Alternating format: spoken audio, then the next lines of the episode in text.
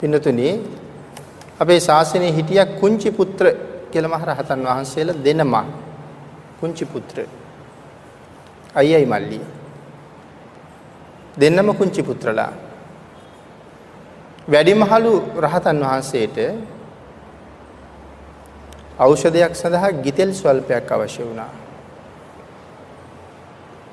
අසනීප බවෙන් ඉන්නකොට දෙවෙනි රහතන් වහන්සේ සහෝදර රහතන් වහන්සේ ගිහිල්ලා අහනවා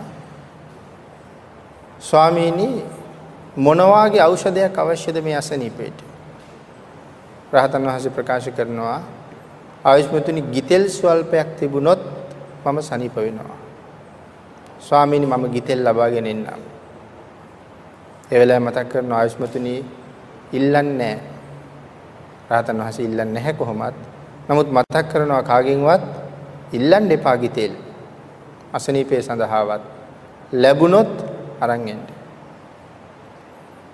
පළවෙනි දවසේ තනියම පින්ඩපාතේ වැඩියා. පින්ඩපාතේ වඩින්නේ අද මට ගිතෙල් ලැබෙයි කියලා හිතාගෙන. ඒ වෙලාවේ ගිතෙල් ලැබුණේ නෑ එදා. ස්වාමීන් වහන්සේට එන්නේ අසනීපයි. දෙවෙනි දවසේ 이르දියක් පාලා ස්වාමින් වහන්සේලා 이르දියෙන් මවලා මුළු පැලලුප් නුවර පුරාම ස්වාමින් වහන්සේලා පිණ්ඩපාතේ වඩම්මනවා. මේ 이르දියෙන් මවපු ස්වාමින් වහන්සේලා වඩින්නේ. නමුත් ගිතෙල් ලැබෙන්නේ ගිතෙල් ලැබෙන්නේ නැහැ. තුන්වෙනි දවසේ උන්වහන්සේ 이르දියක් දක්වනවා මුළු ජම්බු දීපේ පුරාම ස්වාමින් වහන්සේලා මවනවා. මේ ජම්බු දීපේ මොන තරම් පාරවල් තියෙන්නද කෝටි ගාණක් පාරවල්. මේ අස්සක් මුල්ලක් නෑර හැම අතුරු පාරක් ඔස්සේ ඔස්සේ පවා මේ මව රහතන් වහන්සේලා පින්න පාති වඩිනවා. නමුත් කාටවත් ගිතෙල් ලැබුණේ ගිතෙල් ලැබුණේ නෑ විශේෂයෙන් ඉල්ලන්නේ නැති නිසා කවුරුවත් ගිතෙල් පූජා කළේ පූජා කළේ නැහැ.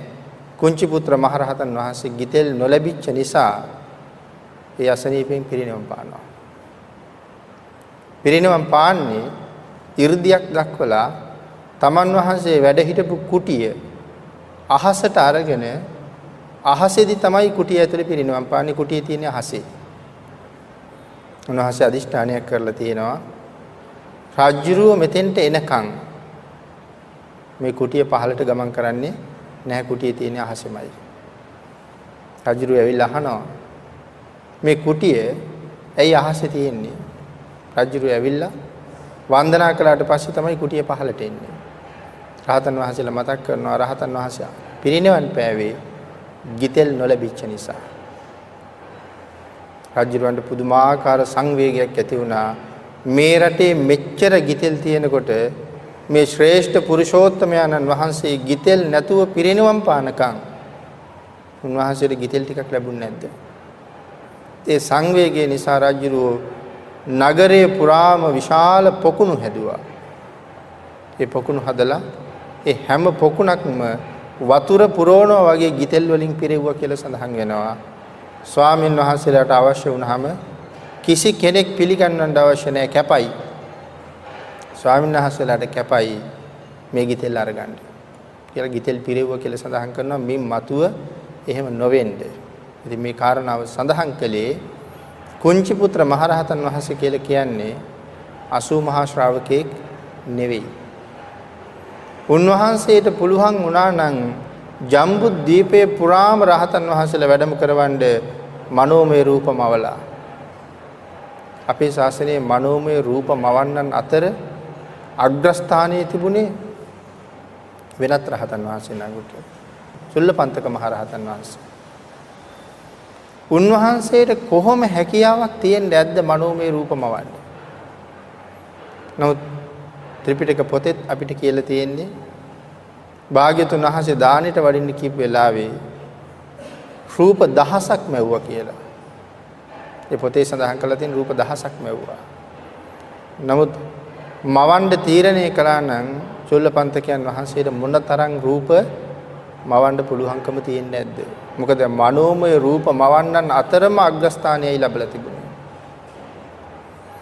එහෙම පුළුවන් වුණා නම් භාග්‍යතුන් වහන්සේට කොහොම රූප මවන්න පුළුවන්කම තියෙන්නේ නැද්ද?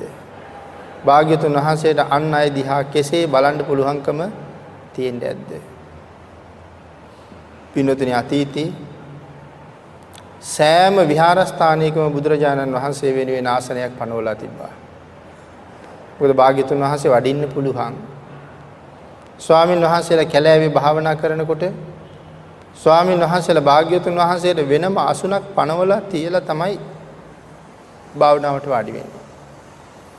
මොකද මගේ යම් වැරදි දෝෂයක් දැක්කොත් මගේ සිතුවිල්ලේ අඩුපාඩුවක් දැක්කොත් මගේ මාර්ගයට පටහැනි දෙයක් මගේ සිතේ ඇති වෙනවා දැක්කොත් භාග්‍යතුන් වහන්සේ වඩින්න පුළුවන්. එහෙම වුණොත් කලින් දැනුම් දීලා වඩින්නේ නැහැ. මට උන්වහන්සේ වැඩියට පස්සේ ආසන පනවන්නත් බෑ. ඒ තරම් වේගෙන් වඩිනවා භාග්‍යතුන් වහන්සේ. ඒ නිසා ආසනේ පනවලා තමයි භාවනාවට වාඩි වෙන්නේ. සෑම විහාරස්ථානයකම භාග්‍යතුන් වහන්සේට වෙනම ආසනයක් පනවලා තිබිලා තියෙනවා. රුක්ෂ මූලයක නමුත් උන්වහන්සේලා භාවනා කරනවා නම් උන්වහන්සේට එතන තිබුණේ ලොකුවට වැඩිච්ච මුලක් නම් ඒ මුල උඩ එහෙම නැත්නම් වැලි තිබුණා නම් වැලි කන්දක් එකතු කරලා එහෙම නැත්නම් ලෑලි කෑල්ලක් තියලා එහෙම නැත්නම් තමන්ගේ පාංශුකූල චීවරයට කැලෙන් එකතු කරගත්ත කොළ ටික දාලා පොතලා කොට්ටයක් හැටියට හදලා පසෙක පනවලා තියලා තියෙනවා භාග්‍යතුන් වහන්සේ වැඩියොත් ආසනෙ පිළිගන්නන්න. ඒ තරම් භාග්‍යතුන් වහන්සේ වඩින්නේ වඩින්න පුළුවන් එහෙම භාග්‍යතුන් වහන්සේ උන්වහන්සේගේ පුත්‍රයන් සොයාගෙන මහ ඝන කැලෑවේ ඈත වන ලැබවල් කටු අකුල් ඔස්සේ පවා තමන්ගේ පුත්‍රයන් සොයාගෙන භාග්‍යතුන් වහන්සේ වැඩලා තියෙනවා සංසාරයෙන් එතර යන්න වෑයම් කරන තමන්ගේ පුතුන් සොයාගෙන ඒ අයට පිහිට වෙන්න.